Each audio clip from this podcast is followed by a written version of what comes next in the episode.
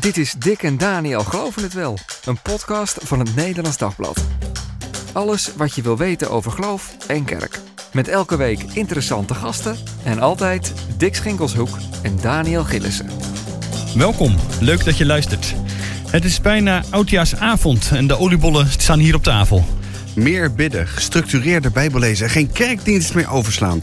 Oud en nieuw is het moment voor goede voornemens. En dat geldt ook voor gelovige mensen. Maar wat zijn nou goede christelijke goede voornemens? En past dat bij geloven? En hoe zinvol is dat nu allemaal mooie plannen maken en jezelf veel geloviger, veel geloviger gaan worden in 2024? Kan dat werken of is dat alleen maar een recept voor teleurstelling en schuldgevoel? Ja, we gaan erover praten met dominee en psycholoog Bert Loonstra. Hartelijk welkom. Fijn dat je er bent. Heb jij goede voornemens voor het nieuwe jaar?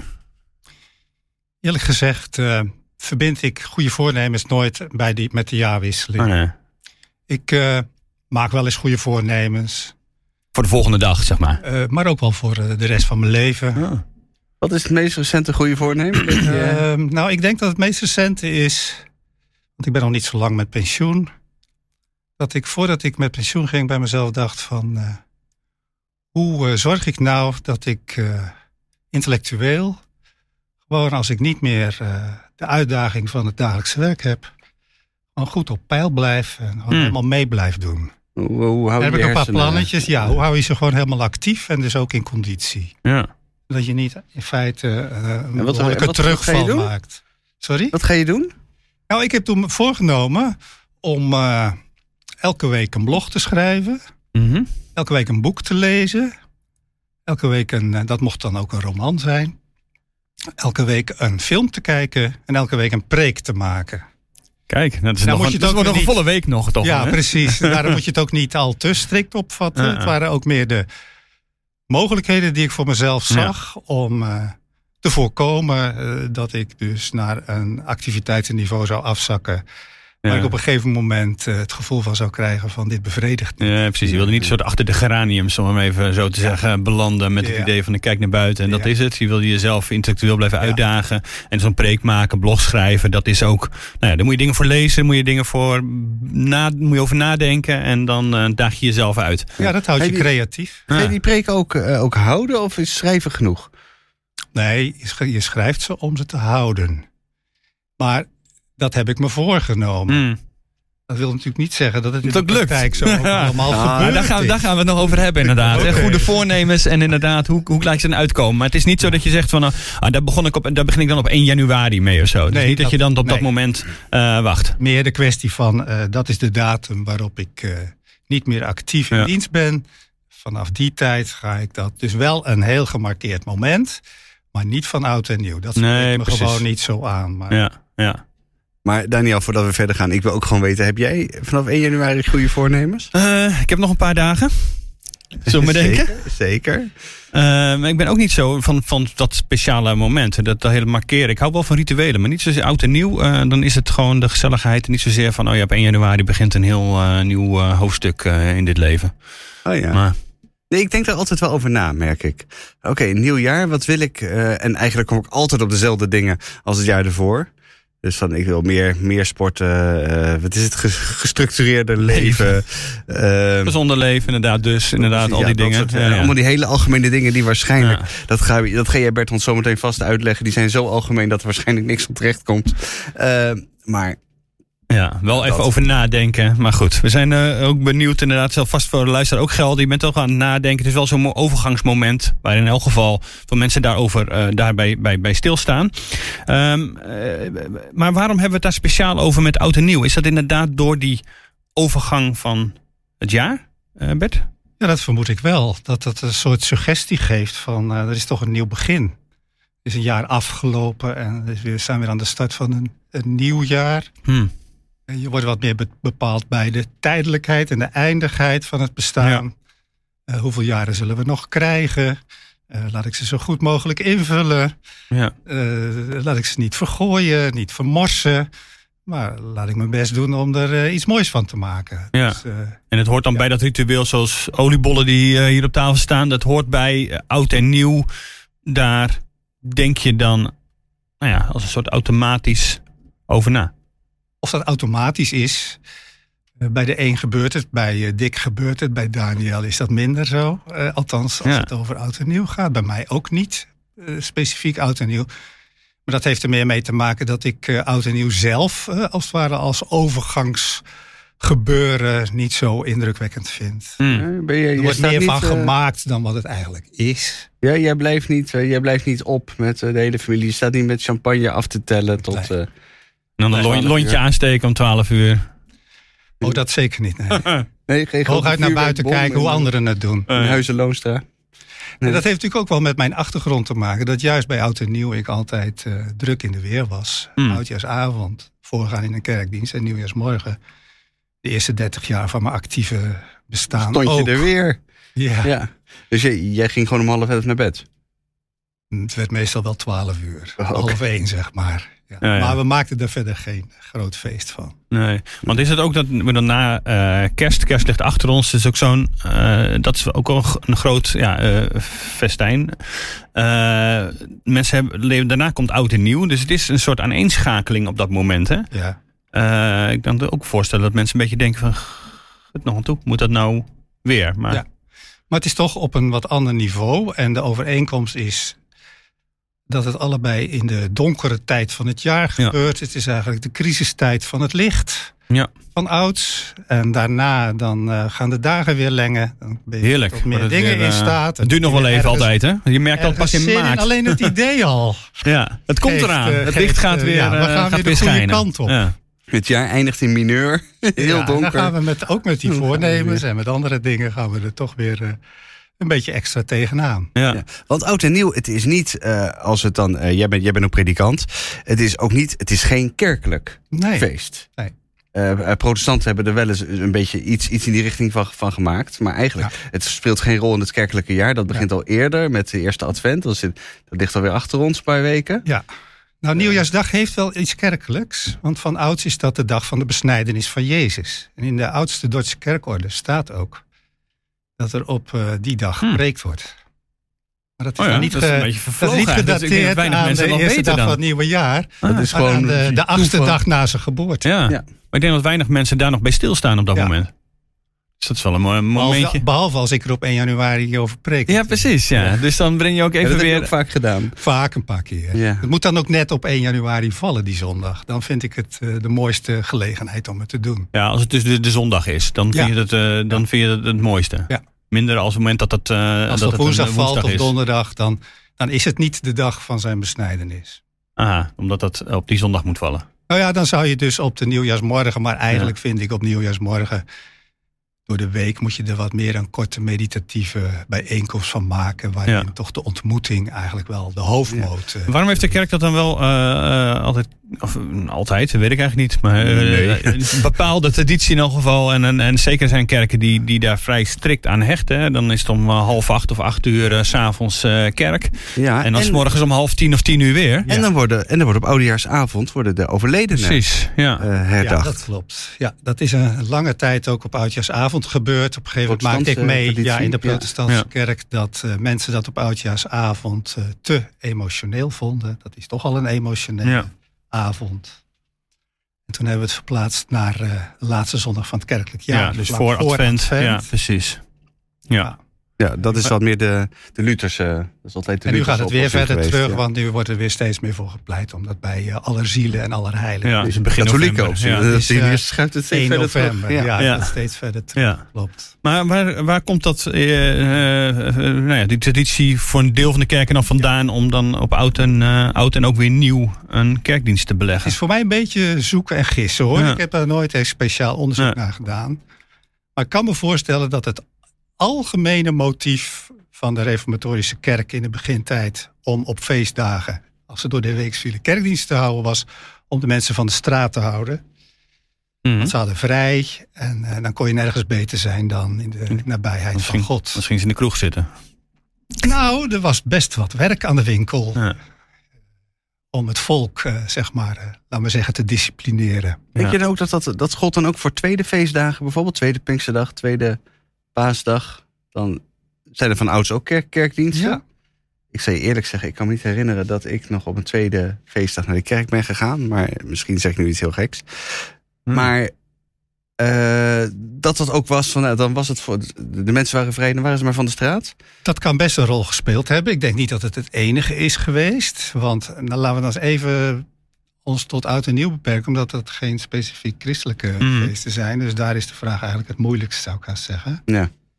Ehm, toch het gevoel van eh, de vergankelijkheid van de dingen, die kom je in de Bijbel natuurlijk ook tegen. Eh, het besef van eh, onze eindigheid en onze afhankelijkheid van de eeuwige.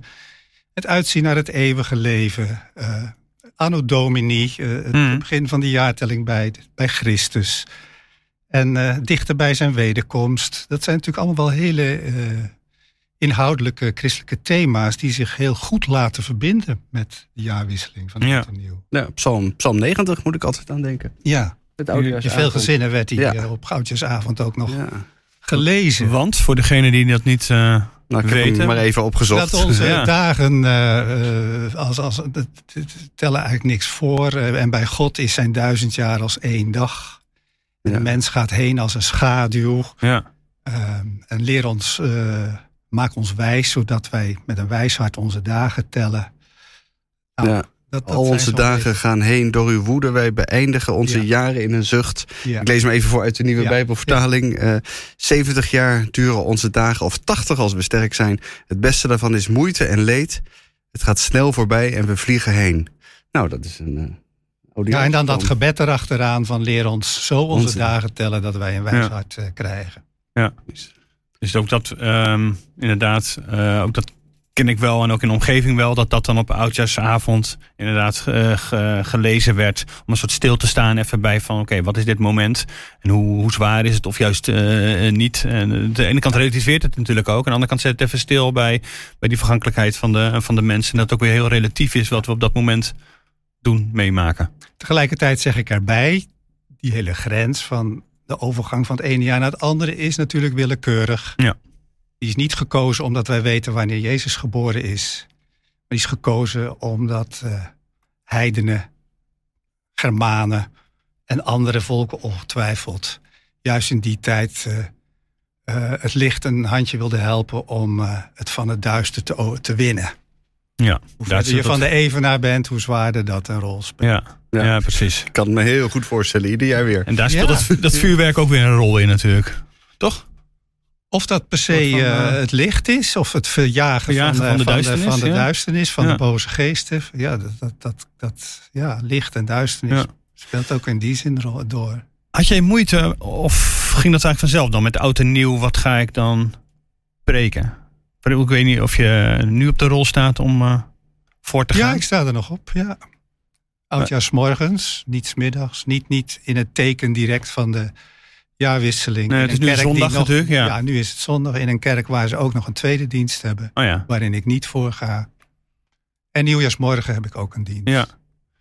Nee, dat is niet speciaal moeilijk. Alleen het vraagt extra ja, inventiviteit om iets te zoeken dat, daar, dat daarbij past. Maar ik Ja. noemde net al een aantal ja, precies. eh, Ja. basismotieven die je in de Ja. Bijbel tegenkomt. En Ja. die kun je gewoon in de Bijbel gewoon in, in pericopen, in Bijbelgedeeltes eh, gewoon eh, vinden. Ja, dus er Ja. sluit altijd, wat je eerder ook al zei, je kunt er ook eh, wel goed bij sluiten. aansluiten vanuit Ja. de Bijbel. Ja. Ja. Ja. Ik, zou wel, ik, zeg, ik ben een heel aantal jaren op oudejaarsavond voorgegaan in, in kerkdiensten. En ik had eigenlijk nooit moeite om iets Nee. te vinden. Je probeert toch ergens de stem van het jaar, Ja. de sfeer van het jaar probeer je te pakken, te verbinden aan, eh, aan de Bijbel. eh. Het mooie is, het mooie is mensen Ja. die in de kerk zijn, die voelen ook iets. Die hebben ook iets van het is de laatste. Ze zijn best ontvankelijk gewoon, bedoel je? En dat Ja. maakt hen ontvankelijk, Ja. precies. Ja, Ja, ja. ik doe het ook wel eens op de eerste zondag van het nieuwe jaar dat ik, wanneer de tien geboden gelezen worden, dat ik daar een variatie op maak. maak. Zo van wat zijn je goede voornemens voor het nieuwe jaar? Eh, en dan vertaal ik eh, de geboden in goede voornemens. En dan besluit ik met, en wat gaat daar nou van terechtkomen? Hmm. Er kan alleen wat van terechtkomen als. Als we leven uit vergeving en in de kracht van de Heilige Geest. Dus op die manier probeer je het sentiment gewoon optimaal te benutten. Ja. En dat herken ik ook Ja. bij wat jij Ja. eh, zegt. Ja. Ja. Want is dat eh, eh, ja, goede voornemens? Hè? Wat je zegt, daar eindig je dan op zo'n moment zo'n eh, preek mee. Eh, is, is het, we, we spraken er in het begin ook al even over. Is het, is het goed om goede voornemens eh, te hebben? Kun je dat soort eh, toejuichen vanuit christelijk perspectief? Ja. ja, ik denk dat er twee kanten aan zitten. Het positieve is dat mensen een soort besef hebben van dat hun leven niet volmaakt is. Mhm. Dat het aan alle kanten beter kan. En soms is dat een heel oppervlakkig besef. Ja. Het kan ook een heel diep besef zijn. Uh, het uh, negatieve is dat uh, we eigenlijk, denk ik, onszelf een beetje voor de gek houden als we denken dat op de manier van goede voornemens we dat voor elkaar krijgen. Ja? Hmm. Hoe ja, moet dat denk dan? ik eigenlijk wel.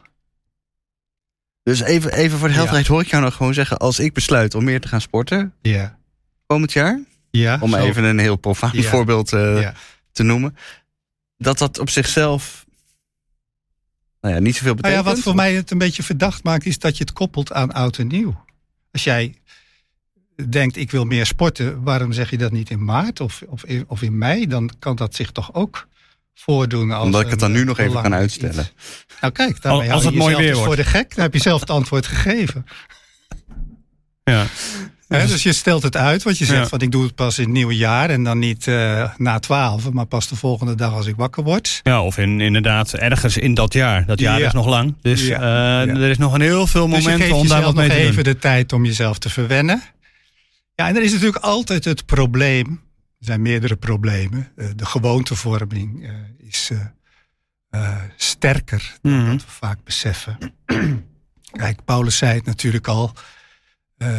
niet wat ik wil, dat doe ik. Maar dat wat ik niet wil, dat doe ik. Ik ga daar nu niet een heel theologische eh, verklaring aan geven en uitleg.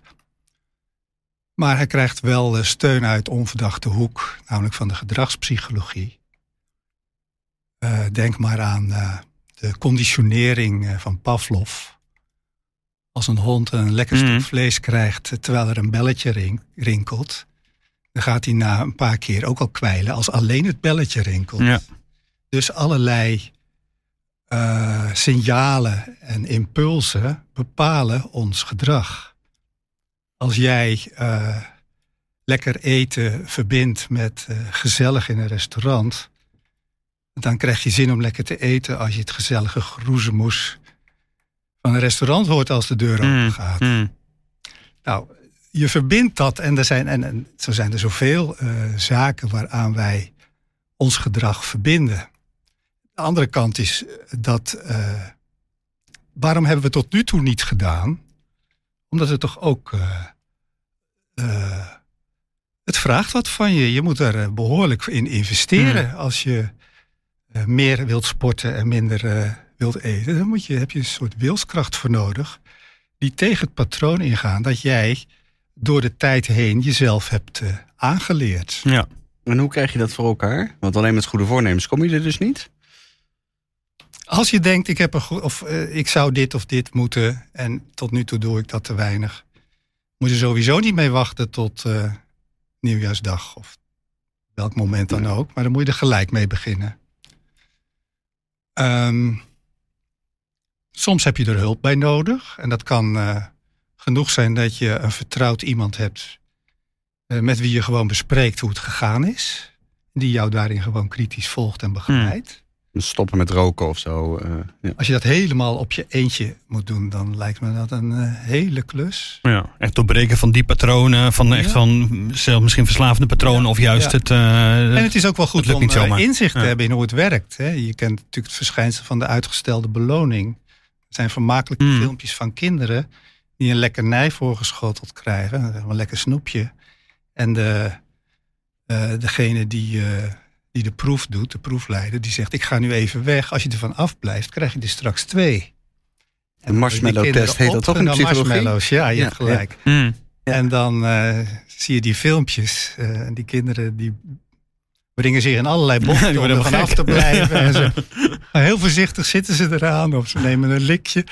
En er is er een die neemt het gewoon eh, helemaal tot zich. En er is maar een enkeling die er echt voor elkaar Ja. krijgt om al die tijd er niet aan te komen. Ja. Dus uitgestelde beloning. Als je onmiddellijke beloning krijgt van lekker eten bijvoorbeeld. Ja. Dan is dat veel aantrekkelijker in je beleving Ja. dan eh, dat je dat lekker eten laat staan en de beloning pas in de loop van eh, een paar maanden krijgen. Ja, dus minder snoepen, niet roken enzovoort is gewoon heel ingewikkeld. Omdat het in eerste instantie meteen bevrediging geeft. Al weet je dat het op lange termijn slechter is dan het laten staan. Dat Maar als je natuurlijk die filmpjes gezien hebt, dan Ja. denk je bij jezelf van ja, maar zo wil ik niet wezen. Dus dat kan wel een extra stimulant zijn. Ja. Om er Ja. toch ook eh, wel iets aan te doen. En als nu naar ja. eh, jou, ja. Ja, nee, ja, Bert, ik ben heel erg aan je het zeggen? praten ja, nee, nee, vertel. Ja. Ja, ik bedoel, ehm, dit gaat nu over eh, hoe we dat in ons gewone dagelijkse leven ervaren. Ehm, je kunt natuurlijk ook een eh, verdieping daarin aanbrengen als het gaat over eh, eh, ophouden met zondigen. En Precies, daar wilden we heen. Naar de christelijke goede voornemens voelen inderdaad, dat ja. je eh, ergens op een bepaald Ja. punt zwak bent. Ja. Eh, je schiet snel uit je slof. Of je laat je door bepaalde beelden makkelijk eh, beheersen. Nou, dat kan van alles zijn. En ehm, dan, dan, dan, dan, dan heb je natuurlijk eh, A, nodig het inzicht in eh, dat je niet goed zit. En B, de kracht om daar eh, ook uit te komen. Want zonder En- inzicht kom je er sowieso niet. Als je niet ziet dat het fout is Ja, of eh, dat- dat, het beter dat kan, dan, eh, dan werkt het sowieso dus niet. Maar Dus je hebt ook iets nodig van leren hoe goed het is om dicht bij God te leven. Hmm. Hoeveel voldoening dat geeft. Om de kracht Ja. van zijn liefde door je heen te laten gaan. Je niet te laten leiden door ikgerichtheid en egoïsme. Maar eh, daar vrij van te zijn. Ja, dus iets van de ruimte te beleven. Maar, ja, maar dat- dus je hebt eigenlijk dat, dat, dat aantrekkelijke perspectief. Daar heb je al, moet je al een beetje, nou ja, dat snoepje moet je al een beetje aan geroken Precies. hebben, zeg maar. Het moet niet een kwestie zijn van, oh, als ik dit doe, dan zal ik later in de hemel komen. Dat is wel heel erg uitgestelde beloning dan. Ja, en wij weten dat het zo niet werkt als reformatorische christenen. Dat wij door onze goede werken Hmm. iets eh, voor elkaar kunnen krijgen. Is genade. Het is genade. Maar we beseffen wel dat leven in geloof wel vraagt om een bestaan, een gang, een eh, gedrag dat daar eh, op rijmt, dat daarmee in overeenstemming is. Omdat anders dat hele Mhm. geloof natuurlijk ook eh, kwestieus wordt. Van hoe echt is Ja. dat nou eigenlijk? Maar eh, dat, dat groeien in geloof, als ik dat dan maar even noem. Werkt dat dan op dezelfde manier volgens jou als eh, nou, wat je net vertelde vanuit de gedragspsychologie? Dat je, zit, je moet je best doen, je, je hebt wilskracht nodig. Je moet andere mensen je laten helpen. Er zit eerst inzicht en dan, en dan doorzettingsvermogen. Ik denk dat de gedragspsychologie een aantal eh, patronen heeft ontdekt die ook in het leven van een christen zullen gelden. Maar het eh, unieke van het christelijk geloof, wat in de gedragspsychologie nooit aan de orde zal komen, dat is dat je ehm, geraakt bent door de liefde van God, door zijn aandacht eh, dat je voor hem van waarde bent. Eh, dat jouw leven eh, veel ook praktisch veel meer kan betekenen dan dat het tot nu toe doet. Dus het, het is primair geestelijk. En in de uitwerking zul je ook een aantal patronen erkennen dat je zegt van, oh, maar dat kan ik ook met de gedragspsychologie wel Ja, bijvoorbeeld minder driftig in, zijn, in, of in, eh, inkleuren. Ja. Meer geduld, vriendelijkheid. Wat is het, al die rijtjes die Paulus constant noemt in, Ja. zijn, in zijn brieven. dat krijg je nooit voor elkaar als je daar je best voor doet. Of als je daar mensen bij inschakelt. Je hebt ook je eigen temperament. Je zult ook moeten erkennen dat het je ook Hmm. met God in dit leven niet eh, volledig gaat lukken. Je zult ook dus eh, moeten leren om met teleurstellingen te leven. Dat kan ook omdat je weet dat je een God hebt die bereid is te vergeven en weer een nieuwe start te Hmm. maken. Ja, want daar zit natuurlijk wel iets dat eh, goede voornemens willen groeien in geloof. Is de, de heiliging van het leven, zoals het dan in theologentaal eh, heet. Eh, dat zorgt ook voor heel veel schuldgevoel. Voor ja, weet je, ik wil eigenlijk. Ja, zo begonnen we deze podcast. Ik wil meer bidden. Ik wil dichter bij God leven. Ik wil gestructureerde Bijbel lezen, Mhm. naar de kerk gaan. nou, noem het allemaal eh, maar op. Maar het lukt me niet. Oh, wat ben ik een slecht mens. Het lukt me niet. Ja, ik zou eh, jou in een pastoraal gesprek dan eh, vooral eh, beginnen met je positief aan te spreken. dat ik opmerk dat je het in ieder geval mist. Dus jij hebt in je leven ontdekt dat jij bepaalde waardevolle gewoontes Mhm. niet voor elkaar krijgt, niet, niet erin krijgt. Eh, dat je dus kennelijk door allerlei krachten toch nog wordt beheerst van tijd tot tijd die jou daarvan aftrekken. En het is positief dat je dan dat goede leven dat jou voor ogen staat mist. En het is ook eh, een goede kant dat je jezelf daarin leert kennen. En ehm, dat je met dat schuldgevoel ehm, naar God mag gaan. En dat is geen doekje voor het bloeden of een schrale troost of zo, maar het is de essentie van het eh, zuiveren van de relatie met God, waardoor je eh, gemotiveerd wordt om toch weer de dingen goed te proberen. En als Ook- jij dan s'morgens ondertussen na je niet, ja. gebed dus voorneemt Ja. om voorneemt, hè, om het anders te doen, eh, dan is dat iets wat je op dat moment je voorneemt om het vanaf dat moment ook te doen. Dat, dat is geloofwaardiger dan wanneer je zelf een moment stelt van nou eerst nog even niet en dan ga ik het proberen. Ehm, maar dan ehm, groeit er ook in jouw hart een verlangen om daaraan te beantwoorden. Stuk voldoening dat als het eh, op bepaalde momenten is gelukt. En ehm, ja, toch geen wanhoop of alleen maar negatief over jezelf denken als, als het mis is gegaan. Je mag zeggen van nou, er is nog, moet nog heel wat groeien. Er is nog heel wat in ontwikkeling. Ik ben er nog lang niet, maar ik ben wel op weg. En het is de, dat is ook het, de, de genade dat er elke keer een nieuw begin mogelijk is dan. Ja, dat is Ja. een eh, overleden collega van ons eh, die dit jaar overleden is in zijn eh, WhatsApp-status had staan. Er is altijd een nieuw begin mogelijk.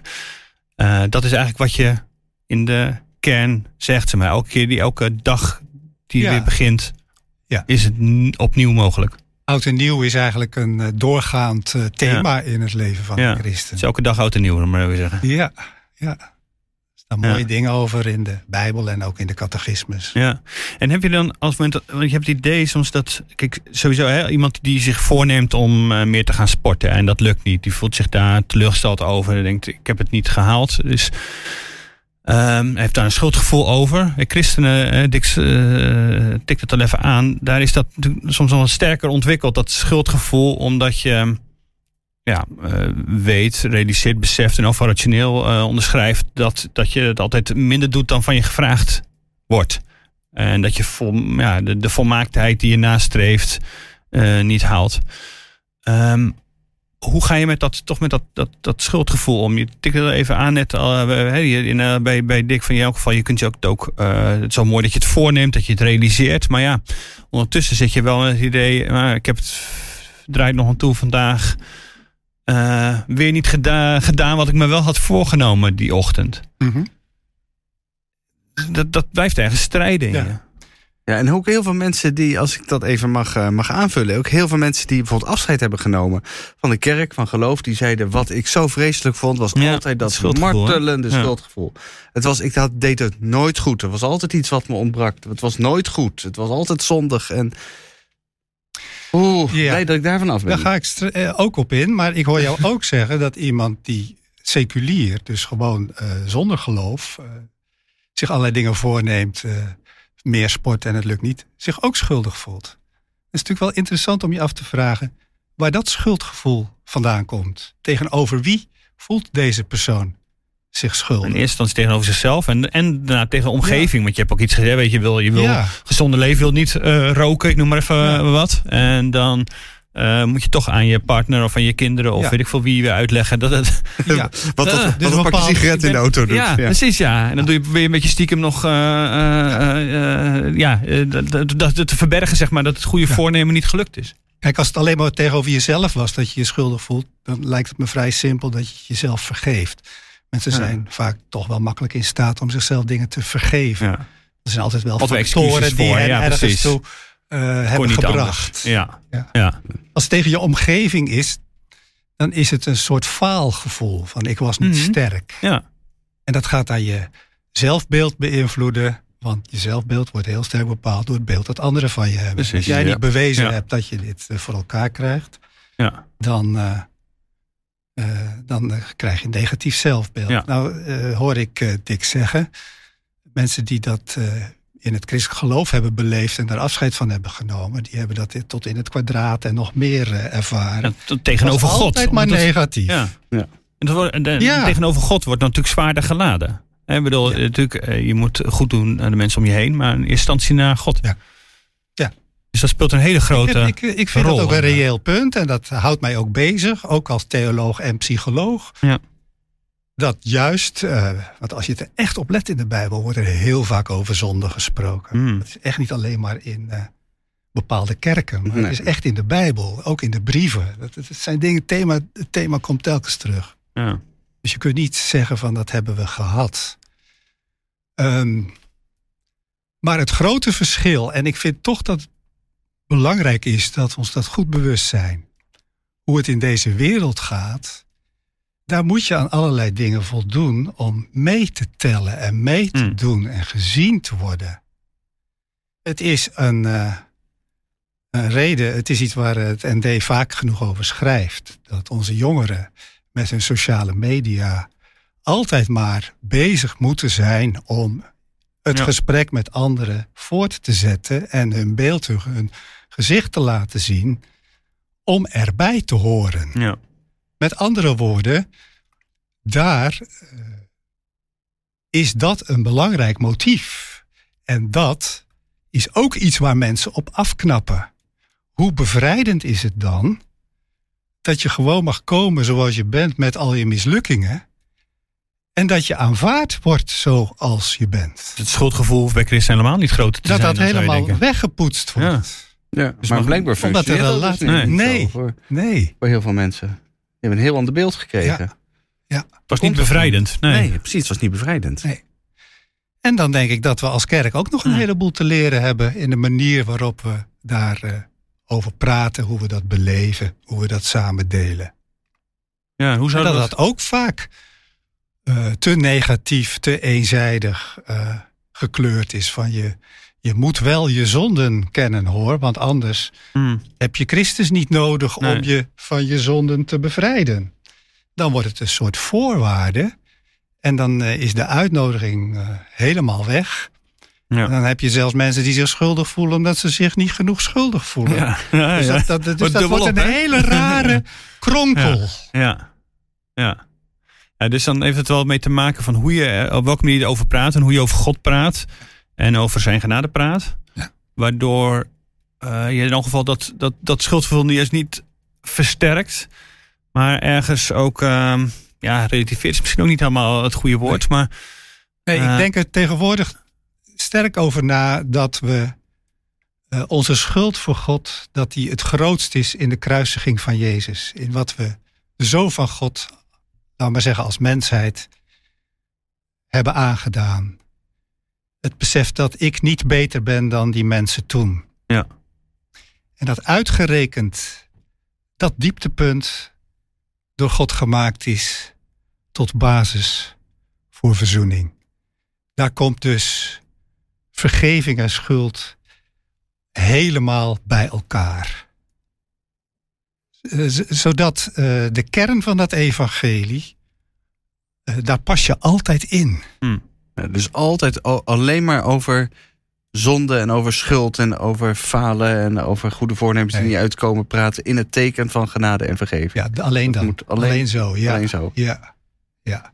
En juist te benadrukken dat je niet aan dit en dit en dat hoeft te voldoen. voordat je bij God in aanmerking komt Hmm. om zijn kind te worden. Wel naar streven, maar je hoeft niet aan te voldoen. Ik bedoel, het is een beetje, het blijft natuurlijk altijd ja, wat, moeten eh, wat lastig, streven. het is een, een, een, een innerlijke houding Ja, die je, je leert is. doordat God jou lief is Ja. geworden. Ja. En daarom krijg je goede voornemens en niet omdat het moet of omdat je in de hemel wil komen of omdat Het zijn eigenlijk verlangens. ja. Hmm. Goede verlangens. Dat, eh, ja, dat, dat, dat, soort... eh, dat is ook vaak een sleutelwoord in pastorale contacten met mensen die eh, heel erg moeilijk vinden om zich zelf kind van God te noemen en zich zeg maar die vergeving toe te eigenen. Dat, Ja. dat je tegen ze kunt zeggen, ja, maar je verlangt er toch naar. En verlangen is toch een teken van leven. Want een kind dat niet verlangt naar, naar eten, dat, dat is helemaal mis. Dat Ja. gaat niet goed als dat niet verandert. dus dat, dat verlangen, dat aanwakkeren Ja, ja, eh, bij jezelf of bij een ander. ja. Daar zit al een belangrijk deel van die eh, ja. goede voornemens in. Ja, ja. Dat is een hele andere manier van praten dan moeten. Hè? Wij moeten wel met dat elkaar woord meer moeten, dat is een hele lastige. Ja. Dan gaat het sowieso niet werken. Nou ja, je kunt er niet altijd omheen. Dat merk je in het vertalen van de Bijbel wel. Dat het woord moeten toch nog heel veel in de nieuwe. Bijbelvertaling eh? Precies. voorkomt. Geen zult. eh, Ja, maar dat, dat is een beetje verouderd. Hè? Gij zult, dat, dat, dat, daar kun je verschillende accenten in leggen. Er zit niet alleen maar moeten in, bedoel Daar je? zit ook een belofte in. Ja.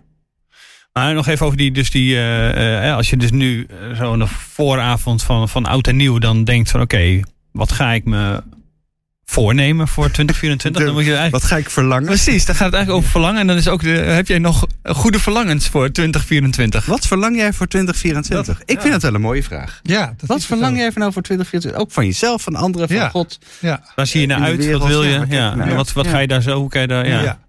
Als jij op die vraag, Bert, antwoord Ja. zou moeten geven. Wat verlang jij nou voor, eh, van het komende jaar? ja. Voor het Wat ik jaar? verlang, dat, dat heeft dan primair. Kijk, ik kan allerlei dingen noemen die ik verlang, die ook belangrijk zijn. Maar eh, primair denk ik dan aan eh, de innerlijke rust en ruimte, dat ik die van God mag krijgen om mijn medemens te zien. En niet zomaar dege- alleen degene met wie ik het goed kan vinden, maar ook diegene die wat van mij wil, die ik misschien wat moeilijk eh, af kan poeieren, omdat die anders te veel aan me blijft kleven. Ja. Maar dat ik, dat ik daarin eh, eh, vrij mag zijn. Ja. Vrij om lief te hebben, zonder vrees. Dat is zeg maar de diep, een hele diepe. ja, wat ik had eigenlijk verwacht. Ik dacht, eh, jij zult vast zeggen... eh, ik verlang voor 2024 dat, ehm, dat Jezus terugkomt. Of dat het vrede wordt op aarde. Of... Maar je, je, houdt- je, je, je zegt het heel het bij jezelf. Ja. Ja, precies. Ja. Ja. Omdat het wel daar begint. Ja. En alleen van daaruit kun je op een goede manier eh, naar vrede verlangen en aan vrede werken. Ja, vrede begint niet bij de ander, maar begint ook bij jezelf. Ja. Ja, dat lijkt mij... En om nou te Ja. zeggen, mijn primaire verlangen dat Jezus terugkomt, dat hangt dan samen met het enorme onrecht dat heel veel mensen in deze wereld lijden. En waar ik bij tijden ook onder zucht en ook wel eens van wakker lig. Ja. Dat is dan van daaruit ook een verlangen. Maar, dat niet voelt alles dan tegelijk zeggen. Nee, dat is waar. Maar het voelt er misschien wel weer een beetje makkelijker of zo. Verlangen dat Jezus terugkomt. Ik bedoel, het, het verlangen naar innerlijke rust en andere mensen kunnen zien. Dat kost je veel meer moeite Ja. dan zeggen: Ik verlang dat Jezus terugkomt. Ja. Hoef je zelf eigenlijk geen fluit aan te Nee, doen. dat laat ik liever aan hem over. Ja. Dan, dan kan, ben ik Hmm. ook bereid om hem te ontmoeten. En dan zal ik dat ook met vreugde doen. Ja. Ja. Dus kun je zeggen, vraag jezelf af, wat zijn mijn verlangens voor 2024? Ja. En dat lijkt me wel een mooie om deze podcast mee af te sluiten. Nou, dat is iets waar je, waar je wat mee, eh, mee kunt, eh, denk ik. Dick, ik zal jou nog niet vragen naar je verlangens, maar dan gaan we dan eh, na, na deze podcast eh, kunnen we daar verder over nadenken. Want we moeten even laten met, bezinken. een, met een oliebol. met een oliebol. Eh, hartelijk dank voor het luisteren. Dank voor het luisteren ook dit, eh, dit jaar. We hebben er weer een heleboel gemaakt, eh, Dick. Eh, eh, en we hopen ook in 2024 eh, door te gaan. Dat is over ons goede voornemen, voor ons verlangen. Ik weet niet precies meer hoe we het Precies. moeten zeggen. En eh, misschien heb je ook wel een goed verlangen om dat eh, te willen steunen. En te denken van, nou, dit wil ik inderdaad, eh, dat, eh, dat Dick en Daniel in de lucht blijft. Nou, uh, neem dan, of overweeg dan in elk geval, een abonnement bij het Nederlands Dagblad. nd.nl slash abonnement. Daar vind je alle mogelijkheden. En uh, nou, dan ga je ook goed 2024 in, toch Dick? Absoluut, ja. Nou, en we wensen je voor nu een uh, hele mooie, goede jaarwisseling toe.